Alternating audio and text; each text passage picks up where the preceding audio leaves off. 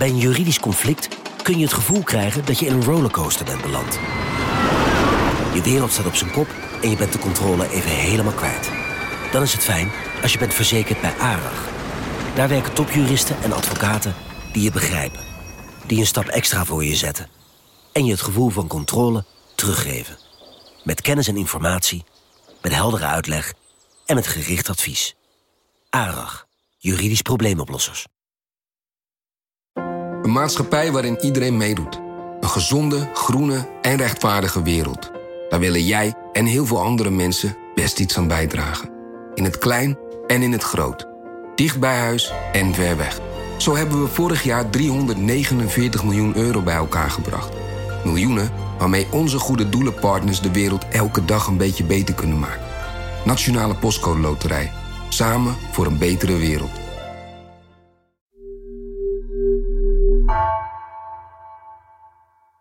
Hey, Lucas hier. We maken onbehaarde apen voor jou, de luisteraar. En we zijn ontzettend benieuwd naar wat jullie van ons en van andere NRC-podcasts vinden. Dus als je ons een plezier wilt doen, vul dan een podcastonderzoek in. Dat duurt ongeveer 10 minuten en je kunt hem vinden op nrc.nl/slash podcastonderzoek. Dank jullie wel.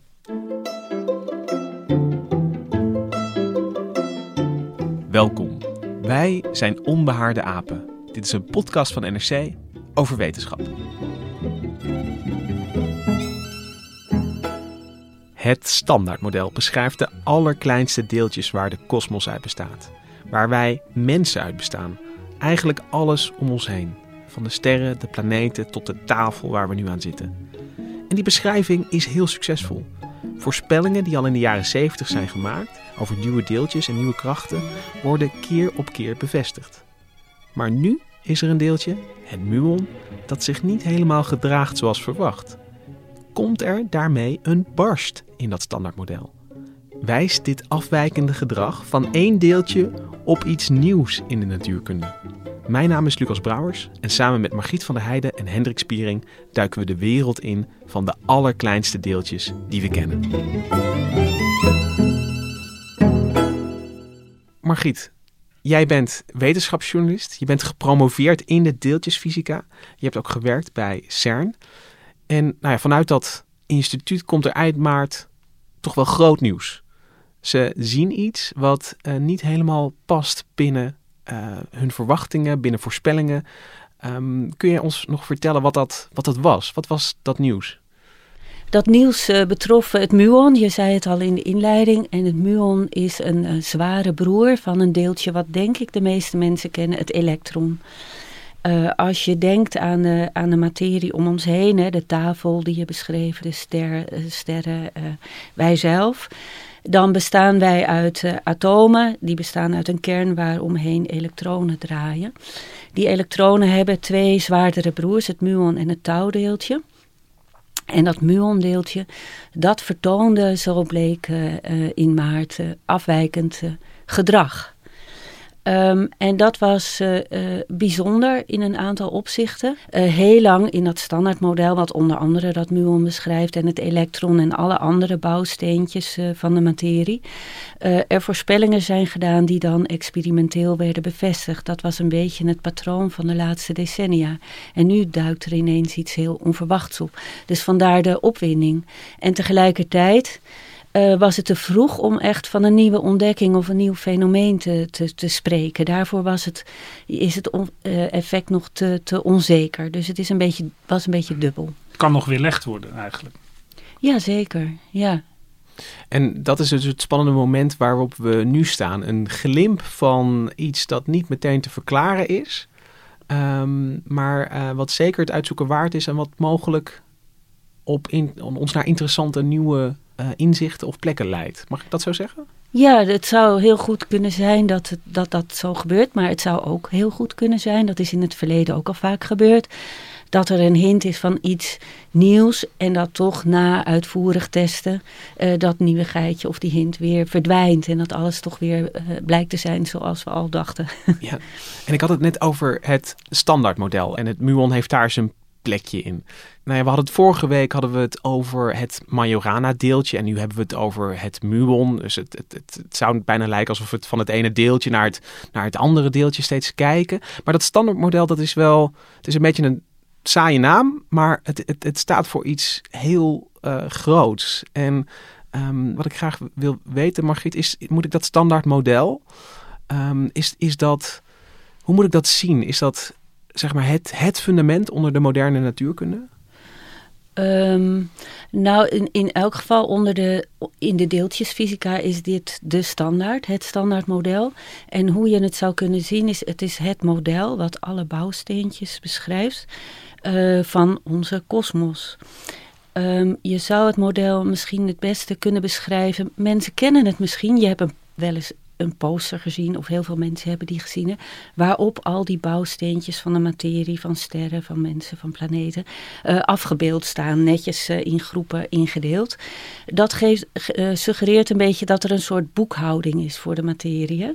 En eigenlijk is het standaardmodel wel veel mooier dan een simpele boekhouding. Maar één manier om er naar te kijken is misschien om het te zien als een soort ja, mecanodoos of een doos met Lego-steentjes maar dan niet echt met Meccano en Lego erin, maar met vakjes waarin verschillende soorten deeltjes zitten. Dus uh, je hebt een vakje voor wat uh, fysici dan uh, hadronen noemen, dat zijn deeltjes die de bestanddelen zijn bijvoorbeeld van atoomkernen. Je hebt een vakje met leptonen, daarin zitten bijvoorbeeld dat elektron en die zware broers en nog een aantal andere. Je hebt ook een vakje met verbindingsmaterialen, dus de krachten die tussen die uh, verschillende deeltjes kunnen werken. Uh, het getal 3 speelt steeds eigenlijk, en of dat toevallig is ja, of niet, is een van de vragen. een hele belangrijke rol. Dus in het vakje met hadronen, daar zitten quarks in drie families. In het vakje met leptonen zitten drie leptonfamilies. En je hebt ook drie krachten die spelen tussen al, kunnen spelen tussen al die deeltjes. de elektromagnetische kracht, de zwakke kernkracht en de sterke kernkracht. En dan zit er eigenlijk in het midden van die, van die hele doos zit het Higgs-deeltje, dat ervoor zorgt dat al die deeltjes eigenlijk eruit zien zoals ze eruit zien, hè? dat ze massa hebben. Maar, maar, maar de, het standaardmodel is dus veel meer dan een inventarislijst. Het, het, is, niet, uh, het is niet zomaar een opsomming van er uh, bestaan leptonen en er bestaan quarks. Maar de spelregels zitten er eigenlijk ook in verwerkt. Ja, dus wat er eigenlijk bij die bouwdoos hoort is een set regels. Um, en die bepalen hoe je uh, de verschillende bouwstenen met elkaar kunt combineren. Althans, wij doen dat niet, maar hoe dat dan in, in de natuur Zo voelt dat dan als natuurkundige. gaat. ja, als je het hebt over bouwdoos, dan zie je jezelf al in gedachten natuurlijk al die blokjes uh, samenvoegen. Dus als je verschillende bouwsteentjes pakt en je wil daar een nieuw deeltje van maken. Hè, bijvoorbeeld uh, een proton, dat kent misschien iedereen. Een kerndeeltje bestaat uit drie quarks. Maar je kan ook deeltjes bouwen met twee quarks, pak je twee blokjes. En er zijn allerlei regels. Een hele belangrijke regel in de natuur is energiebehoud. Dus je kan nooit zomaar energie uh, uit het niets maken. En het energie kan ook niet verdwijnen. Dus stel dat je in een deeltjesbotsing twee deeltjes laat botsen en je, daaruit komen nieuwe deeltjes voor. Dan moet de energie die erin gestopt is, moet er ook weer door uitkomen. Hè? Ja, want met, zo met al die andere deeltjes mee iets nieuws, want dan rekenen ze uit hoeveel energie erin gaat en dan kijken ze wat eruit komt en dan klopt het niet. Dan is ergens nog energie. Ja, en dan weet je, er moet ergens nog een deeltje energie hebben weggedragen. Uh, wat ook behouden moet blijven, bijvoorbeeld uh, is uh, elektrische lading, kan ook niet zomaar verloren gaan. Nou, zo zijn er een heel aantal eigenschappen die behouden moeten blijven. En het hele mooie is, dat is al eigenlijk ruim 100 jaar geleden aangetoond door Emmy Neuter, dat, uh, een, een, wiskundige, dat zulke behoudswetten corresponderen met symmetrieën. Dus onder het standaardmodel liggen dan ook nog hele diepe symmetrieën, maar daar komen we misschien later op. Maar wat je zou kunnen zeggen, je hebt een bouwdoos met materialen, met verbindingsmaterialen, met een set regels. En dan ook nog een handleiding die aangeeft van onder welke omstandigheden uh, je welke materialen hoe uh, moet inzetten. Ja, en de taal waarin die handleiding is geschreven, dat is uh, knappe wiskunde. Ja. Maar is dat, zoals je het nu beschrijft, uh, Margriet, met, met al die afhankelijkheden en, en de beschrijvingen, is dat, is het standaardmodel, als jij eraan denkt, zie je dan inderdaad zo'n poster voor je met, met, met hoe het allemaal, uh, met, met, met allemaal vakjes? Of is het voor jou een, ja, een serie uh, vergelijkingen en beschrijvingen? Kun je het in een la stoppen, het standaardmodel? En de, beschrijving ervan, hoe, hoe, moet ik dat, hoe zou ik het voor me kunnen zien? Uh, ja, ik denk dat je heel snel, ook ikzelf, terugvalt op die poster. Omdat daar heel overzichtelijk al die deeltjes staan. En al die verschillende krachten die ertussen werken. Uh, en, en elke kracht uh, gaat gepaard met een enorme uh, wiskundige beschrijving natuurlijk. Van, van, van de wisselwerkingen tussen die deeltjes.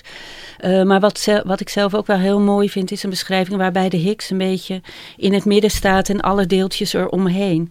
Omdat hoe ik het voor mezelf wel voor me zie, en dat heeft een beetje te maken met die onderliggende symmetrieën, is dat je het standaardmodel beschrijft niet alleen als een soort bouwdoos hoe je allerlei deeltjes in elkaar kan zetten, maar hangt ook heel nauw samen met hoe wij erover nadenken hoe de kosmos ontstaan is. Hè? Als je, je kunt uh, uh, vanaf de oerknal gaan redeneren hoe eerste sterren zich gevormd hebben. En dan uh, heb je ook al die verschillende deeltjes en krachten nodig om uh, materie te vormen, om sterren te vormen, om planeten te vormen. Dus zie ik het een soort vormen als een bloemknop die zich ontvouwt. en dan zie je verschillende symmetrieën. En dan zie je uh, onderliggende symmetrieën. En de symmetrieën worden soms ook verbroken. Dat is ook heel essentieel bij de vorming van, van het heelal. Hè, zoals het ontstaan is in de beschrijving van de krachten tussen de deeltjes. En dan zie je eigenlijk bijvoorbeeld die Higgs in het hart zitten, omdat hij massa geeft aan alle deeltjes en alles eromheen. En er zijn ook wel posters waarop het zo is afgebeeld. Dus dat geeft misschien dan iets meer weer dat er tussen al die deeltjes in de verschillende soorten en de verschillende families ook allerlei relaties bestaan. Wat je beschrijving in ieder geval voor mij duidelijk maakt, is dat het, nou ja, als je, als je de natuurkunde zo diep kan volgen, dat, dat het ook een heel, um, nou ja, dat, dat het een esthetisch uh, mooi model is en dat je er ook uh, dat je als nu natuurkundige er best wel tevreden over kan zijn dat het zo, uh, dat, dat het zo mooi past. Ja, ik denk dat ook uh, de deeltjesfysici heel tevreden zijn over het standaard model zoals dat ontwikkeld is in de loop van de tijd. Het is ook heel dynamisch, want er gebeurt van alles. Het is voortdurend in beweging met die krachten en het staat niet stil. En um, we gaan er later gaan we dieper op, op de muonen in. Maar om voor nu alvast eventjes eruit te lichten een van de componenten in de bouwdoos, uh, zeg maar even, heeft niet de, de, de eigenschappen die we, die we hadden verwacht. Zijn schoenmaat klopt niet, zou ik willen zeggen. Uh, ik weet niet of je dat zo moet zeggen over het muon. Um, het kan ook zijn dat het meer het gedrag van het muon hoe het zich gedraagt wijkt af van de verwachting. Dus het is misschien niet zozeer de eigenschappen van het muon die afwijkend zijn, maar uh, het, het, gedrag. En kun je dan zeggen, Margriet, dat als er dan blijkt dat een van, um, een van de bouwsteentjes, een van de componenten in, in die doos Meccano ja, zich net iets anders gedraagt, um, dat dat dan ook met natuurkundigen iets doet, dat hij daar ook ongerust door raakt? Of misschien juist wel opgewonden van? Wat, wat is jouw ja, beeld het, daarvan? Is het feest of is het paniek? Ja, misschien is het wel een beetje allebei. Uh, kijk, het is natuurlijk heel erg leuk wat je wat je heel graag wil, altijd denk ik in het onderzoek, is iets nieuws ontdekken, iets onverwacht. Dat, is, dat, is heel, dat maakt onderzoek spannend. Ja, dat scannen ze Dus dat is natuurlijk het hele leuke daaraan. Uh, maar ik denk dat, dat er eigenlijk dat je een soort natuurkundige component hebt van wat betekent dit, hoe moeten we dit interpreteren. Uh, misschien ook een soort sociologische component in de, in de zin dat je hebt een hele grote groep mensen die samenwerkt op CERN. En als je kijkt naar, naar de ontdekkingen die de afgelopen decennia op CERN gedaan zijn, dan ging het, uh, en ook in de Verenigde Staten trouwens, hè, bij deeltjesversnellers, de, de, de topkwark of het uh, uh, tau-neutrino, om alvast maar vooruit te lopen op een paar deeltjes. en de Higgs vanzelfsprekend. Dan ging het om deeltjes waarvan het bestaan door theoretici al soms heel lang van tevoren voorspeld was. Dus dan ga je op zoek uh, naar iets wat voorspeld is. Ga je kijken, uh, bestaat het niet? Kunnen we uit, hè, of bestaat het wel? En uh, nu is er iets anders aan de hand. Nu wordt er iets gevonden wat theoretisch helemaal niet voorspeld is. Dat is denk ik voor theoretici heel raar. Van, huh? Uh, die, uh, wat is dit? En je ziet dat hij ook een beetje schoorvoetend uh, reageren van hoe moeten we dit verklaren en is het wel iets? Het is ook voor experimentatoren nieuw terrein van hoe, uh, hoe gaan we hiermee om? Hoe moeten we dit interpreteren? En er is ook een soort psychologisch effect, denk ik, wat ik net schetste. Je wil altijd heel graag iets nieuws ontdekken als jij een promovendus bent en je werkt bij CERN. Dan wil je, wil je natuurlijk heel graag een spannende ontdekking doen. Dus dat maakt het ook weer heel erg leuk. En nou ja, je hebt zelf ervaring in de deeltjesfysica. Dus, dus kun je ons even meenemen? Je hebt, je hebt daar een, een promotieonderzoek gedaan, in CERN zelfs. Um, kun je ons even meenemen naar uh, wat, wat, wat er dan voor je komt te liggen als je als natuurkundige zeg maar wordt, mag gaan werken aan het, aan het standaardmodel en dat grote bouwwerk van, van hoe werkt dat als je daar als, als student binnenkomt? Ja, ik kan niet goed meer spreken voor de mensen die nu werken hè, bij die hele grote experimenten die je nu op CERN vindt. We hebben nu op CERN uh, de Large Hadron Collider, een hele grote versneller van uh, 27 kilometer in omtrek. Met daaraan uh, een viertal detectoren en de grootste atlas, een CMS, waarmee het Higgs-deeltje ontdekt is. Daar werken zo'n eh, ja, meer dan duizend fysici aan. Ja. Toen ik op CERN kwam is echt al lang geleden. toen, toen werkten er drie mensen. toen uh, toen, toen uh, was die Large Hadron Collider was er nog niet. Uh, er was wel in dezelfde ring de labversneller. Maar ik werkte aan een experiment bij de, de kleinere voorversneller van de labversneller. De superproton synchrotron. Die gebruikten wij om muonen te maken. En ik werkte in een groep die bestond uit zo'n 100 fysici. En ik moet eerlijk zeggen dat ja, ik was uh, net afgestudeerd. Ik was net 22. Ik was geloof ik de jongste in de groep. Ik, ging, ik heb er vier jaar gezeten. En ik weet niet eens of ik me nou gelijk realiseerde dat het zo spannend was. Het klinkt misschien een beetje gek, maar nu heb je die enorme grote ondergrondse experimenten. Wij hadden muonen, die gingen gewoon bovengronds. Een, een, een, een hal, daar stond een grote detector ja, het was, het was ontzettend leuk. Het was heel internationaal. Dat vond ik super leuk. Ik vond het ook heel leuk om elk weekend in de winter te gaan skiën daar in de Alpen. Eh, Dan even een zijen. De spannende kant van het standaardmodel. Uh, en en uh, in zo'n klein experiment is je rol in die zin anders dat je zowel met detector bezig bent als met de data-analyse. Um, ja, het was eigenlijk, als ik er aan terugdenk, en daar heb ik het ook wel met anderen over gehad, als je daar uh, was, was het alsof je een beetje leefde in een hogere versnelling. Omdat het zo internationaal was en bij Genève en een beetje, ja, het voelde toen een beetje glamoureus. En, en je werkte, de metingen gingen dag en nacht door. Um, je moest zo efficiënt mogelijk, uh, hè, er mochten geen storingen zijn, moest je zoveel mogelijk data verzamelen. Uh, ja, dus het was een beetje ja, James Bond-achtig sneller leven dan, dan, je in, uh, dan, dan, je in Nederland tijdens je studie gewend was, zeker. En had je dan, uh, want, want we hebben het, het, het, ja, dat standaardmodel als, als, een, als een mooi bouwwerk bijna. is het dan zo dat, dat je dan in één hoekje jouw eigen project hebt? Heb je dan, ben je dan heel precies aan het, aan het meten of er één aspect klopt? Moet ik het zo voor me zien? Of, of zit het wat is dan de rol van de, de, ja, de experimentele natuurkundige daarin? Uh, ja, dat, dat kan heel erg verschillen. Natuurlijk weer ook per experiment. Hè. Als je denkt aan de detectoren nu, dus als je weer even teruggaat naar die hele grote CMS- en Atlas-detectoren waarmee het Higgs-deeltje ontdekt is dan als je zo'n experiment uh, op de Dam zou zetten, dan gaat het paleis op de Dam erachter schuil. Dus die zijn gigantisch. En tegelijkertijd uh, zijn ze uh, op de kleinste schalen zo, zo fijnzinnig als filigrijn, hè, als kantwerk zou je kunnen zeggen, hè, met, met details op de nanoschaal. Dus je hebt een gigantische hoeveelheid mensen nodig met hele verschillende taken. Er zijn mensen die zich bezighouden dagen, weken, maanden met de bekabeling van het experiment. Mensen die zich met die detectoren op de kleinste nanoniveaus bezighouden. En mensen die uh, vooral in de data-analyse zitten. Dus er is ook binnen zo'n groep heel veel specialisatie. Veel meer bijvoorbeeld dan, dan toen ik uh, uh, nog op, op CERN werkte. Um, en... Maar jullie deden niet je eigen kabels, of wel? Ja. Oh, dat deed je wel? Ja. ja. maar dat geeft wel een idee. ik heb juist ontzettend veel kabeltjes eh, ingedraaid. Echt zo dat ik eelt op mijn handen had. Maar Uh, maar um, nou ja, je vroeg ook van, uh, ga je dan in een klein hoekje, ga je dan iets uh, precisie zitten nameten? En dat suggereert een beetje alsof er theoretici zijn die dan zeggen, nou zo zit het, denk, denken wij in elkaar en gaan jullie dat maar nameten.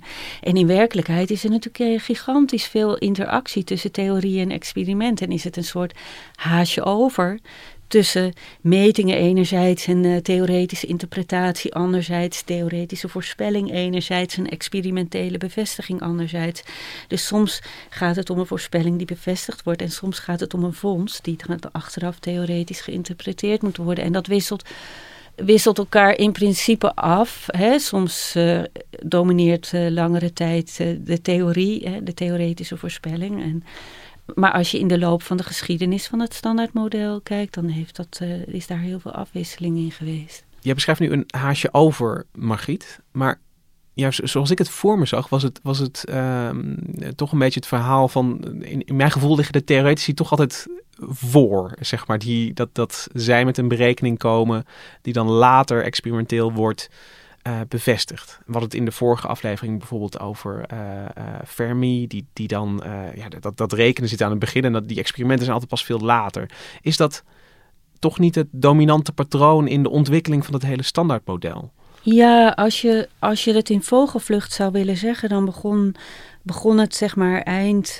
eind 19e eeuw, werd duidelijk uh, dat een atoom niet een soort pudding is met positieve en oh negatieve ladingen. Een soort massief blopje, wat werd gedacht, maar dat er sprake is van een positief geladen atoomkern waaromheen elektronen draaien.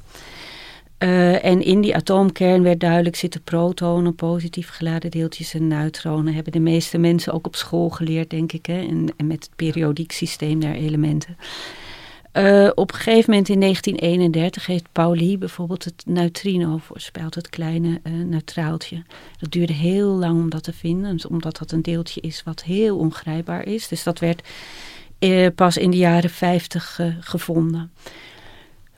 in de jaren 30 dook een muon op waarop uh, Isidor uh, Rabbi uh, uitgeroepen zou hebben van hoe ordered that? Hè? Wie heeft dat nou besteld? Dat is dus dat zwaardere broertje van het elektron. Dat was een beetje raar, want je had eigenlijk die atomen, protonen, neutronen, elektron. Nou goed, voor de energieboekhouding nog een neutrino. Opeens zo'n zwaarder ja, muon erbij. En dan is het ook belangrijk dat zo'n muon, dat bestaat maar kort. Want dat elektron dat draait gewoon zijn hele leven lang uh, rond, zeg maar. Vast ja. het heel kort samen. Maar dat muon, dat, dat zie je kort in een experiment, is het alweer, is het alweer uit elkaar gevallen. Ja, dus de, dat muon was een kortlevend en veel zwaarder broertje.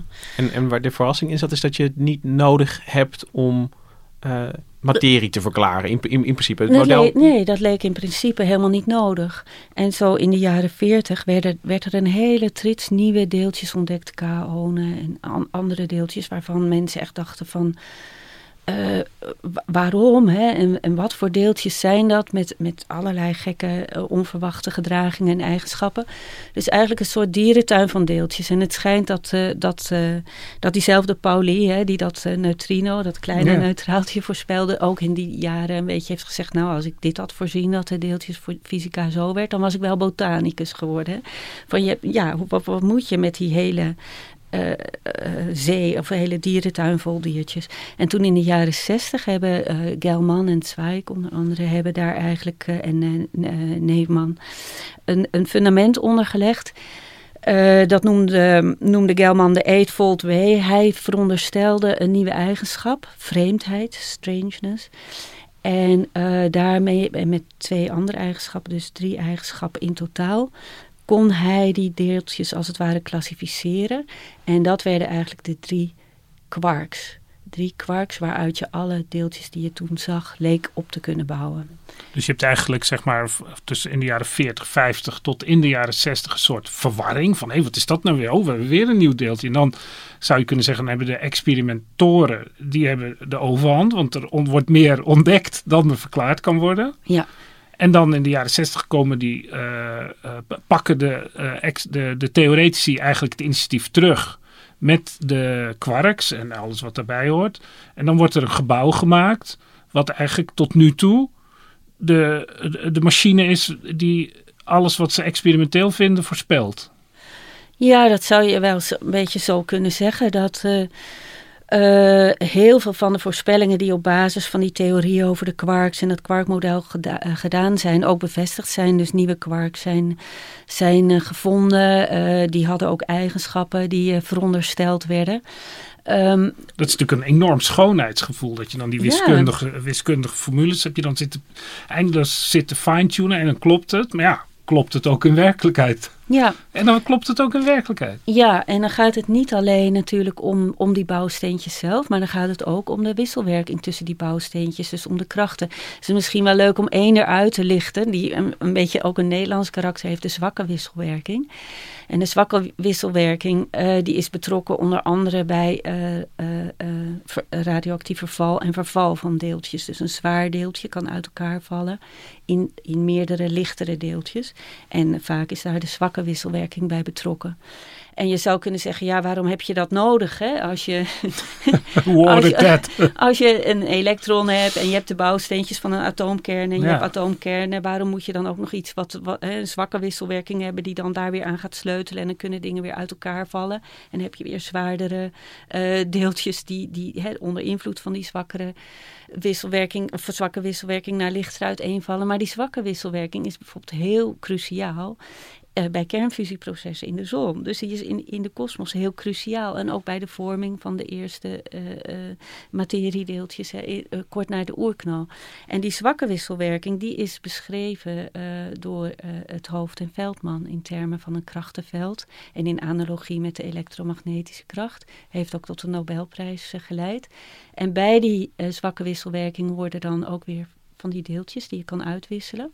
En die zijn ontdekt in het UA1-experiment uh, van Carlo Rubia, maar met versnellertechniek ontwikkeld door de Nederlander Van der Meer. Oh, ja. En dat herinner ik me nog toen ik uh, net op CERN zat in 84. Toen, uh, toen viel, viel, de Nobelprijs. En en, uh, en uh, dat was nog, of tenminste, toen, dat was nog voor ik net naar CERN ging. Maar dat was een beetje in die periode dat ik ging. En vooral Rubia, die was echt de Nobelprijswinnaar. Hele flamboyante man met een uh, oranje Mercedes, met oranje velgen. En dat, dat was een beetje die, die, tijd. Maar dat was dus echt een voorbeeld van een voorspelling die experimenteel bevestigd werd. Maar, maar was jij een theoretisch of een experimenteel natuurkundige? Of was je eigenlijk allebei? een experiment, ja is, is die zwakke wisselwerking, dat is dus, moet ik dat zien als een, een fundamentele natuurkracht van nou ja, wetten van aantrekking en afstoting bijna? Of is het, uh, is het een van die spelregels, hoe die deeltjes zich tot elkaar verhouden? Hoe, hoe moet ik dat zien?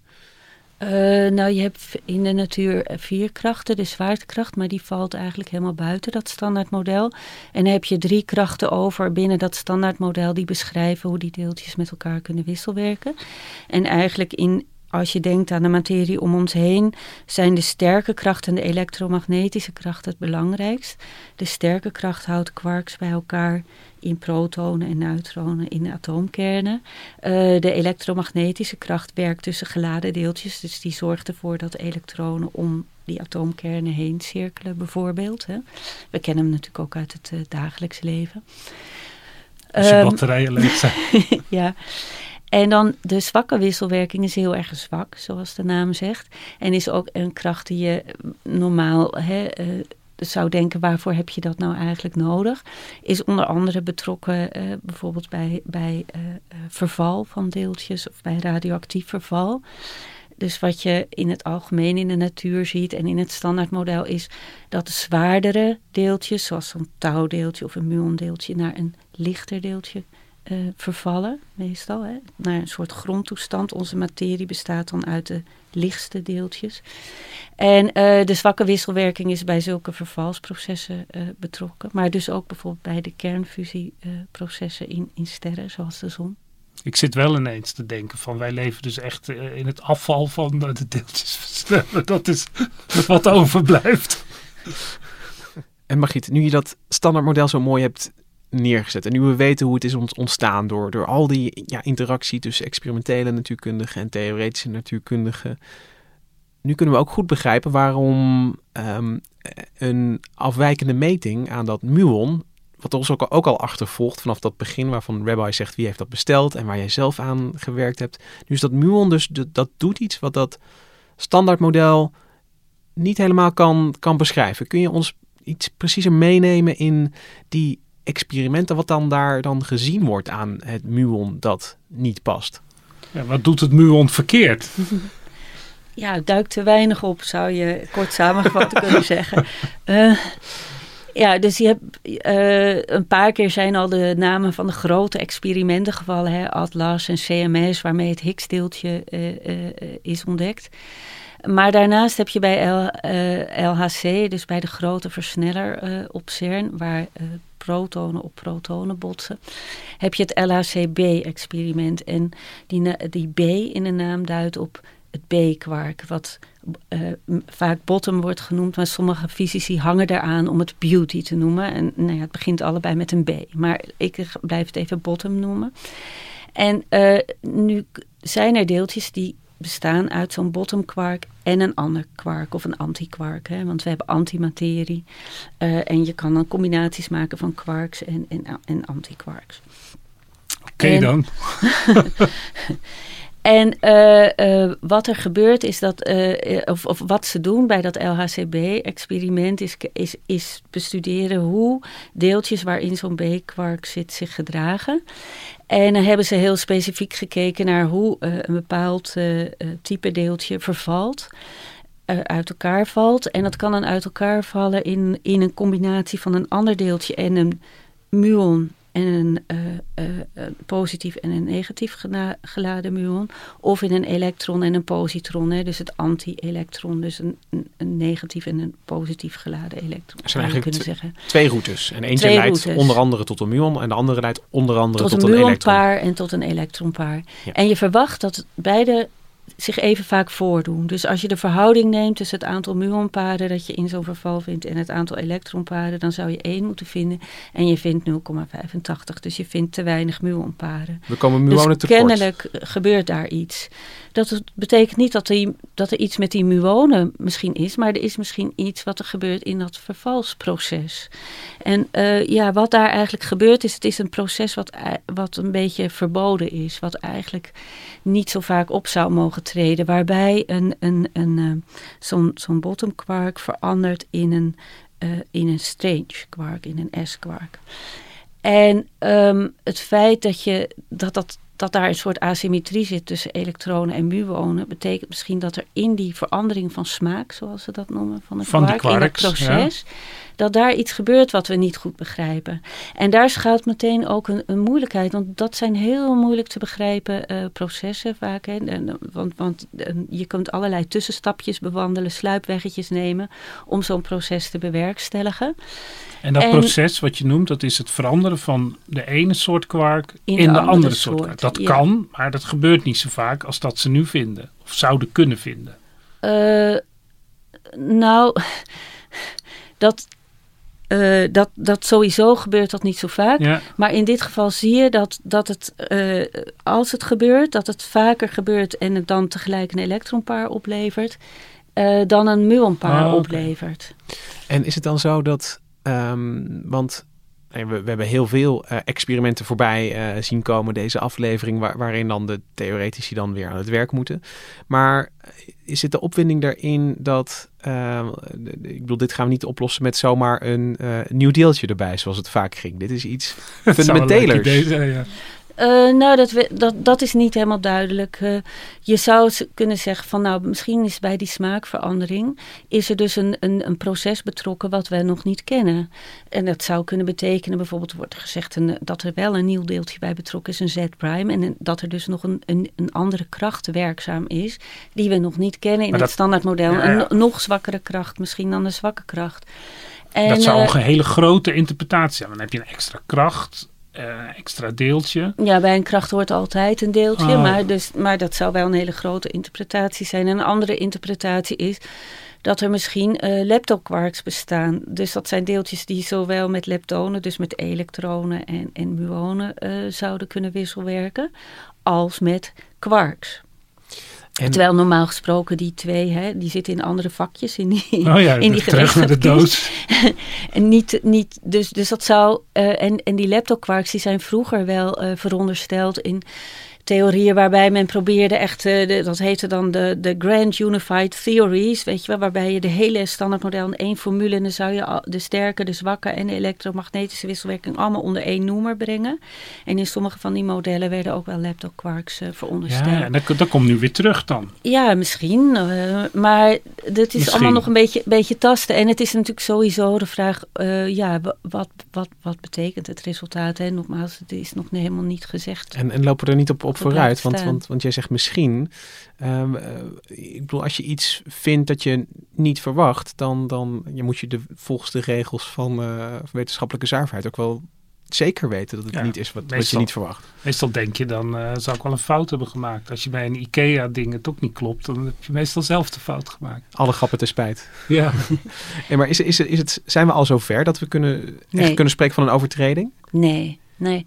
nee. En dat is ook waar ze een beetje mee worstelen bij het LHCB-experiment. Ik heb Niels Tuning, die, die, die, die eh, leidt daar, zeg maar, die is hoofd van de, van de analysegroep. En die zei ook dat hij daar wel een beetje van wakker ligt. Van wat moeten we hier nu mee? Want intussen is er in de Verenigde Staten, dat heeft de krant ook gehad, hè, is er G-2-experiment. Die heeft ook een afwijking in het muon gevonden. Die eigenlijk nog moeilijker te interpreteren is en nog moeilijker maar een theoretisch te andere onderbouwen. afwijking. Ja, nou, die, het wijst allemaal dezelfde kant uit. Ja, ja. Eh, maar als we even nog bij dat CERN-experiment eh, blijven. Eh, eh, wat wat, wat, eh, wat bijvoorbeeld bij de Higgs gold, is je kijkt naar de afwijking ten opzichte van een model waarin het Higgs niet zou bestaan. En dan kijk je van hoe vaak vinden we hier een soort piekje wat op een deeltje zou kunnen wijzen. En hoe groot is de kans dat dat piekje toevallig ontstaat. En dan wil je een 5 sigma effect. En dat wil zeggen dat de kans dat dat toevallig hè, dat je daar toevallig iets waarneemt dat er eigenlijk niet is, maar hè, toevallig, ja, doordat je ook met een dobbelsteen wel eens 10 keer 6 achter De, elkaar kan de gooien. detector had een gekke dag. ja. Ja, dus die kans is kleiner dan 1 op 3,5 miljoen. Dat is een, grens die is afgesproken. Dat is, niet Dat- een, nou, dat is dat- geen natuurwet, maar dat is een, een afgesproken regel onder natuurkundigen. Die zeggen van bij vijf zeg maar gaat de champagne open. Nou, dat was wel zo bij het Higgs-deeltje bijvoorbeeld. Eh, dan, da- daar hoort nog iets bij, dat het niet één experiment was waarin het opdook. Want het zou natuurlijk kunnen dat je wel een 5 sigma effect hebt. Maar dat dat komt omdat je detector helemaal niet goed staat afgesteld. Dus eh, bij het Higgs bijvoorbeeld had je het Atlas en het CMS-experiment. Misschien een heel leuk voorbeeld eh, in dat kader is het OPERA-experiment, waar ze aan neutrino's maten, die werden op CERN gemaakt in Italië, heel veel verderop, onder de Apennijnen, bij de Gran Sasso gemeten. En toen leek het erop, dat is ongeveer tien Ja. jaar geleden, denk ik, twaalf jaar geleden, dat die neutrino's sneller zouden gaan dan het Ja, ik licht. herinner het me Wat een ja. sensatie zou zijn. En het was het dan ook. En dat was een 6 sigma effect. Maar het was geen effect, want het was een losse kabel. Hè. Dus je wil ook altijd alle systematische onzekerheden uitsluiten. En het hele mooie aan, aan, aan dat muonresultaat van LHCb...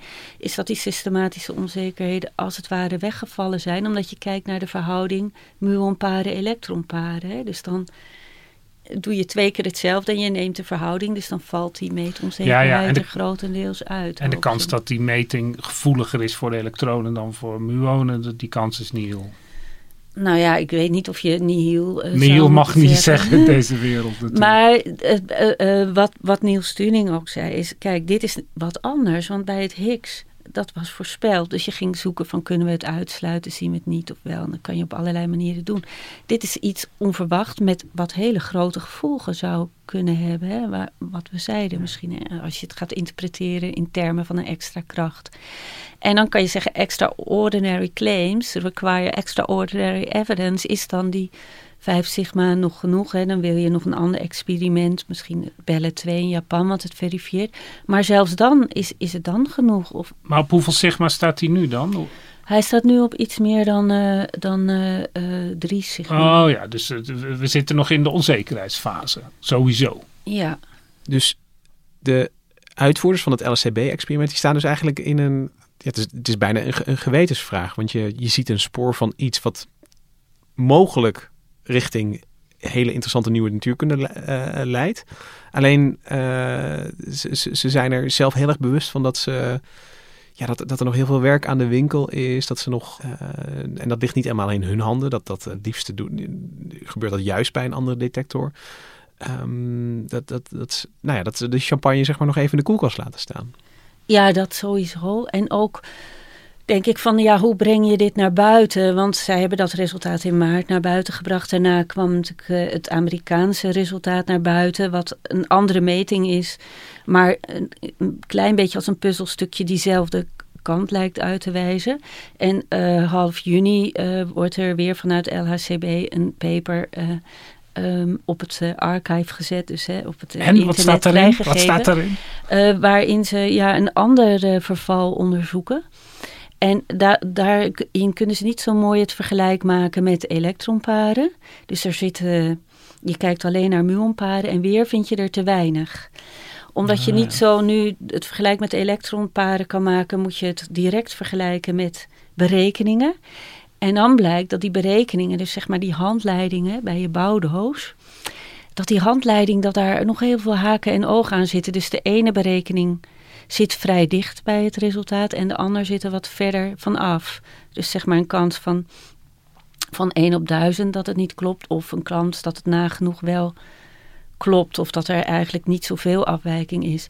Dus dan ja, zit je dan de theoretische berekening te toetsen of vind je een afwijking? Dat is ook weer moeilijk. Dat is ook maar weer een dubbelzinnige je, uitkomst. Dat is ook weer dubbelzinnig. En hoe breng je dat dan? Want al die drie puzzelstukjes wijzen wel dezelfde kant op. Dezelfde namelijk, kant op, ja. Uh, er wijkt iets af. Dus hoe zwaar weegt het een, hoe zwaar weegt het ander? Dat is echt een hele ingewikkelde puzzel, lijkt mij. Maar het klinkt ook een beetje bitterzoet aan, een, aan de ene kant, want er zit iets moois in. Um, nou ja, dat, dat standaardmodel dat, dat steeds beter klopt. En, en nu heb, ja, zit je dus juist met dat resultaat dat wringt. Waar je dus ook. Ja, dat is toch juist mooi, want dan, dan vind je iets. Mij lijkt de moeilijkste afweging van ga je hier nou zwaar op inzetten en allemaal nieuwe experimenten ontwikkelen. En dan blijkt het uiteindelijk, ja, het, het zal iets meer zijn dan een los, loszittende kabel. Dat is nu wel uitgesloten, denk ik. Maar dan blijkt het uiteindelijk toch allemaal weer net binnen de marge van, van, van het standaardmodel te vallen. En dan, uh, ja, dan zakt het in als een, als een pudding. Maar dat het... lijkt me eigenlijk, ik bedoel, het zou leuk. Nu ga je natuurlijk verder onderzoeken. Nou, als er nog, want nu heb je iets. Nu heb je zeg maar de. Je hebt een los draadje om aan te trekken misschien. Ja. en... een beetje ongelukkige metaforen gezien. ik snap dat er nog heel grote onzekerheden liggen. Maar stel dat we het eventjes uh, aan het losse draadje blijven trekken en, en de, de bouwdoos, die past niet helemaal meer. Gaan we dan verder sleutelen aan het standaardmodel? Gaan we dat uitbreiden en, en uh, er dingen bij bedenken waardoor het toch weer klopt? Of moet er iets rigoureuzers ge gebeuren? Moet, er, moet, moet, moet het standaardmodel daar met, uh, met wortel en al uit? Hoppa. Ja, ik denk het laatste niet, maar het antwoord varieert echt al naar gelang met wie je spreekt. En misschien is het ook wel goed om, om uh, hier te zeggen dat uh, wat we geschetst hebben, is dat het standaardmodel echt heel erg uh, succesvol is gebleken. Hè? Dat keer op keer hè, bij het Higgs-deeltje of het topkwark, dat het inderdaad het deeltje wat, waarvan het bestaan voorspeld werd, gevonden werd. Maar dat wil niet zeggen dat het standaardmodel alles uh, verklaart of dat we daarmee de hele kosmos hebben begrepen. Het is heel mooi om te zien dat zo'n zwakke wisselwerking, dat die dan een rol speelt heel vroeg in de kosmos als de eerste elementen, lichte elementen ontstaan en in sterren, hè, in fusieprocessen. Uh, maar er zijn ook, ook als je naar de kosmos kijkt en naar het standaardmodel, heel veel uh, open vragen. Bijvoorbeeld in de kosmos hebben de missen we een groot deel van de materie waarvan we weten dat hij er moet zijn, hè, maar we, we zien hem niet. Die donkere materie, is, zijn dat deeltjes die ook nog ergens in dat standaardmodel horen? Of neem dat neutrino, dat kleine neutraaltje, wat door Pauli voorspeld werd. Volgens het standaardmodel heeft dat geen massa. In werkelijkheid hebben blijkt uit metingen de neutrino's wel een kleine massa. En uh, er zijn drie neutrino's en die massa's verschillen weinig. Kijk je naar de quarks, dan zei, heb je een hele lichte. En de topquark is ontzettend zwaar, zo zwaar als een goudatoom.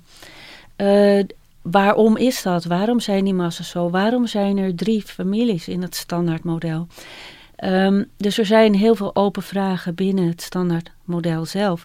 Waarom, hele belangrijke vraag, is er in de kosmos meer materie dan antimaterie? Gelukkig, hè, want materie en antimaterie zouden elkaar uh, verwoesten, en opheffen. En dan zouden, er, zouden wij er niet zijn.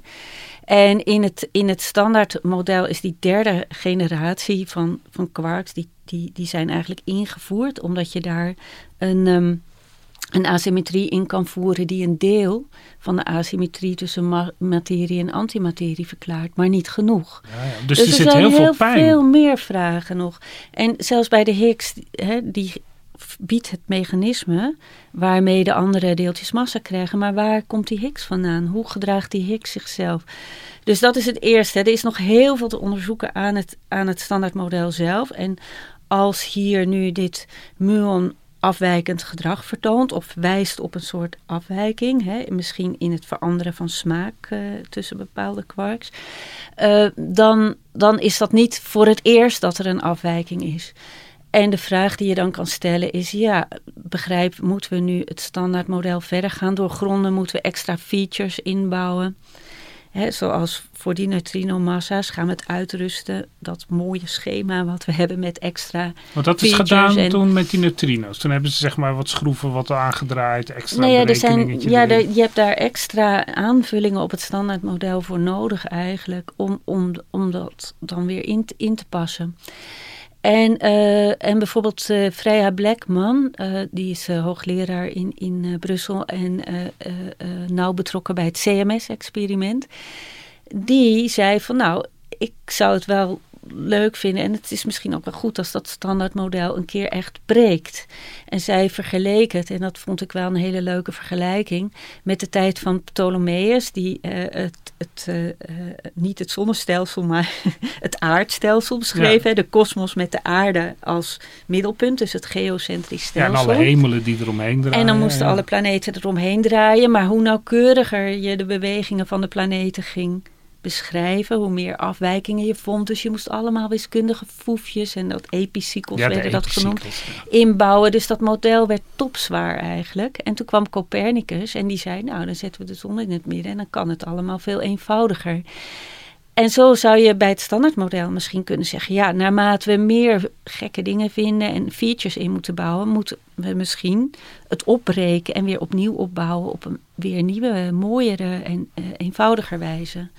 Maar je kan ook zeggen: ja, we gaan eerst nog, uh, moeten het nog verder doorgronden. We begrijpen het nog helemaal niet goed genoeg. En we moeten nog heel veel van die precisiemetingen doen. En al die verschillende vervallen en deeltjes en hun gedragingen nog eens onder de loep nemen. En dat bij LHC en allerlei andere experimenten hè, die daar in een biotoop omheen zitten. Dat nog eens gaan uitzoeken. Dus ja, en je moet ook een heel goed ander idee hebben dan. Want dan moet je dus een hele andere berekeningsmethode van al die deeltjes, hoe die met elkaar in verband staan. Dat is toch moeilijk voor te stellen. Want het is zo vaak bevestigd al dat het zo werkt. En dan die muon. Ja, oké. Je gaat niet voor uh, muon je hele huis uh, afbreken. Nou ja, het is ook niet, uh, misschien niet gezegd dat je dan zegt het standaardmodel is fout. Als je kijkt hè, in, de, in de wetenschap, je hebt Newton die beschreef de zwaartekracht en dan Einstein beschreef het op een andere manier. Maar daarmee is niet alles wat Newton zei vervallen. Dus het standaardmodel kan even goed overeind blijven natuurlijk als een superhandige beschrijving. Maar misschien wijst een afwijking wel naar iets wat er nog net een laagje onder ligt. Dus dat het zeg maar een soort Uber-standaardmodel komt, waarbij dat standaardmodel dan één deel beschrijft en dan moet er weer iets nieuws komen. Ja. Wat je zou kunnen zeggen is, eh, in de jaren 40, 50 had je die hele dierentuin van, van deeltjes. En, en toen werd er een onderliggend patroon ontdekt waarin alles op zijn plek viel. En misschien dat dit één draadje is en, en ook allerlei andere trekjes die je vindt. Misschien dat op termijn we ook iets vinden weer wat onderliggend is, waardoor de verschillende onderdelen van het standaardmodel beter op hun plek vallen. Maar wat, alles wat je hebt verteld, wordt me wel duidelijk. Ik, ik, ik snap dat um, ongeruste, opgewonden gevoel nu wel een, beetje dat zich van natuurkundige meester maakt. Want het, uh, aan de ene kant is het, ja, zoals Hendrik zegt, het, het is één muon, uh, twee gekke resultaten, misschien drie. Drie sigma. en drie sigma, dus, oh. dus het, het, dat moet allemaal nog, nog verder. Maar ja. aan de andere kant is er, is, is er iets, nou ja, je, je, je, je kijkt misschien naar iets wat allerlei nieuwe vragen oproept en antwoorden behoeft. Ja, en ik denk ook dat hij, uh, om even weer op het begin terug te komen, dat dat ook die sociologische en psychologische uh, uh, effecten daarin meespelen. Hè. Wat Freya Blackman van het CMS-experiment ook zei, is dat zij soms het gevoel had, een beetje van een dreinend kind, van ik wil nu, hè, tien jaar, het is alweer tien jaar geleden bijna dat het Higgs-deeltje ontdekt werd. En ondertussen zit iedereen te meten. En als jij wil promoveren, dan wil je natuurlijk liever ja, ook iets spannends in je proefschrift uh, zetten. En uh, wat ook wel goed is misschien om daarbij te zeggen, is dat vanaf um, negen, 2000, niet 19, 2028 ongeveer de LHC met veel hogere intensiteit zal gaan draaien en dan zal die nog een jaar of tien draaien. En dan zullen de meeste data verzameld worden. Dus vergeleken met wat dan verwacht wordt te, verzameld te worden, hebben we nu pas 15% verzameld. dus de echte grote precisiemetingen. Uh, gaan, nog, uh, gaan nog komen. Dus je moet eigenlijk nu natuurkunde gaan studeren. Zeggen, ja. Want dan kan je dan gaan promoveren. Ja, maar als, dan, dan, dan blijft dat psychologische effect dat het natuurlijk leuker is om iets nieuws te ontdekken dan om te gaan kijken, kloppen al die verschillende onderdeeltjes, kloppen al die vervalskanalen, dat je al die hoekjes afstoft van het standaardmodel.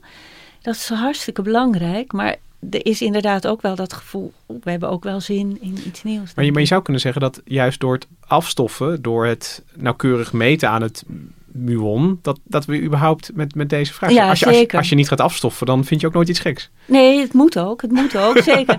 Maar dat is dus een beetje die spanning, dat gevoel van we willen het nu en een soort ongeduld. En en, uh, en, en, en al die precisiemetingen. Maar ik zie ook nog wel een ander soort spanning. Want je hebt, het heet niet voor niks een model. En natuurlijk zo altijd in de wetenschap, dat zie je ook in de medische en de biologische wetenschap. Het model wordt eigenlijk de wereld. Dus je beschouwt het model als dat is eigenlijk de wereld. Dan zit je gevangen in je eigen model. Maar tegelijkertijd. Jij, jij somde net al een heel uh, ding op. De, zeg maar de hele zwaartekrachtproblematiek en de relativiteit en zo. Die zit ook niet in dat standaardmodel. Dus het is al niet een beschrijving van de wereld zoals die is op natuurkundig niveau. Dus het is, ik bedoel, ik wil het nou niet gelijk gaan bagatelliseren, want het is maar een model. Het zijn natuurlijk hele knappe berekeningen, maar het lijkt me dat de mensen die ermee bezig zijn toch ook ten, je, omdat het altijd klopt, als je het uitrekent, heb je het gevoel dat het de werkelijkheid is. Maar ten diepste weet je wel dat het natuurlijk maar, ja, het is natuurlijk een begin van een beschrijving van de werkelijkheid. Want ja, de wereld bestaat al 15 miljard jaar. En uh, het, het heelal. En wij zijn 50 jaar bezig. Kan je niet gelijk doorgronden, lijkt me. Ik weet niet of, uh, of mensen die nou uh, aan het standaardmodel denken... van dat ze echt met de werkelijkheid bezig zijn. Nee, dat, dat bedoel ik ook. Dat, ja. dat weet ik niet hoor, dat denk ik eigenlijk niet. Het is een model wat de deeltjes, wat de wereld op de kleinste schalen beschrijft. Hè, en, de, en de deeltjes die daarin leven en hoe ze wisselwerken. Maar dat hangt ook heel nauw samen met hoe wij nu denken, hoe de kosmos in ontstaan uh, is geëvolueerd, is ontstaan, hoe de sterren daarin zijn ontstaan, hè, hoe materie daar is in ja. zich heeft gevormd. Dus er is heel veel samenhang tussen. En, um, en dat is heel leuk om over na te denken. Maar ik, ik denk niet dat de mensen die daaraan werken per se denken dat ze daarmee echt de werkelijkheid helemaal te pakken ja, hebben. Dat, niemand dat, dat zou dat toch hoogmoedig ja. zijn om ja. dat te denken. En ik denk, denk juist ook als je werkt bij zo'n grote versneller, dat je ook wel ontzag hebt weer voor de natuur. Kijk, het is uiteindelijk de, de natuur, dat zeggen de fysische ook, die, die, die, die, waarin dingen opduiken. Het Ja, zijn niet de rechter. theoretici die, niet, die bepalen. En dat is ook leuk aan dat muon. De Het natuur duikt spreekt op. uiteindelijk. Ja. En het duikt op terwijl theoretici het niet zeiden. En niet, niet voorspelden. Het is nog lang niet klaar, dat beseft iedereen natuurlijk. We moeten nog lang uh, goed blijven luisteren naar wat, uh, wat er zoal uh, opduikt in, in de kosmos, in de deeltjesversnellers. In onze hoofden ook. Dat, dat komt hier allemaal in samen. En dat, dat vind ik er toch wel spannend aan. Um, dankjewel, Margriet, dat je ons uh, mee wilde nemen in de wereld van het allerkleinste en in de, de wereld van uh, uh, tegelijkertijd grote apparaten en mooie modellen. Um, dankjewel ook Hendrik en Else van Driel voor de productie van deze aflevering. De muziek die je hoort, die is gespeeld door het Dudok Quartet. Wij zijn er volgende week weer. Tot dan.